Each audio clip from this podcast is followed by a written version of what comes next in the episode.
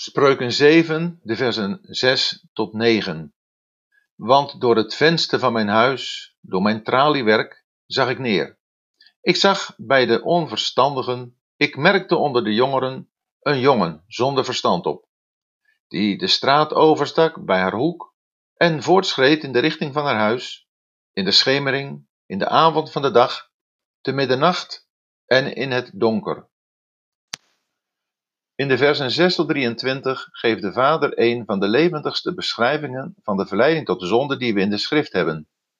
Hij geeft een ooggetuigenverslag, niet als een gluurder, maar als een leraar.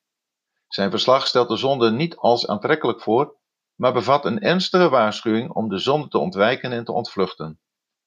We vinden er de elementen in waarvoor hij eerder heeft gewaarschuwd: verkeerd gezelschap, doelloos rondhangen, plaatsen waar de verleiding loert en vooral het niet luisteren naar de woorden en geboden van de ouders.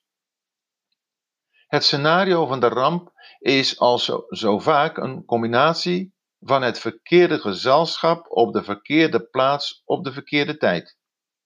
Deze combinatie geldt alleen voor hen die zich niet laten waarschuwen door de wijsheid.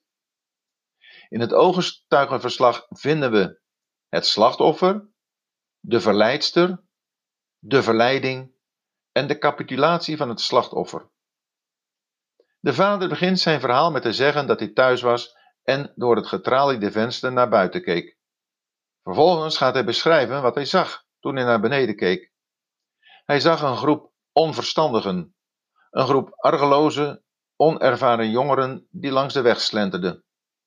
Onder die jongeren viel zijn aandacht op een jongen zonder verstand, Letterlijk een jongen zonder hart of een jongen die het ontbreekt aan gezond verstand. Een leeghoofd dus, een domkop.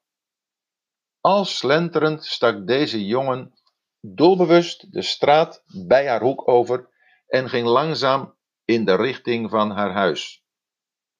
Het is een actie die plaatsvindt onder dekking van de duisternis. Er worden maar liefst vier verschillende woorden gebruikt om de duisternis te beschrijven. Het is in de schemering, op de avond van de dag, na zonsondergang, waardoor het in het oosten heel snel middernacht lijkt, gezien de direct invallende donkerheid. Zowel zijn doelloosheid als de donkerheid ontneemt hem het geestelijke inzicht om het gevaar te zien waaraan hij zich blootstelt. Daarom is hij niet in staat om te doen wat Jozef deed, en dat is de ontvluchten. Genesis 39, de versen 7 en 10 tot 12. En ook 1 Corinthians 6, vers 18. Het is niet mogelijk voor wie dan ook om in een dergelijke situatie stand te houden. De enige optie is vluchten.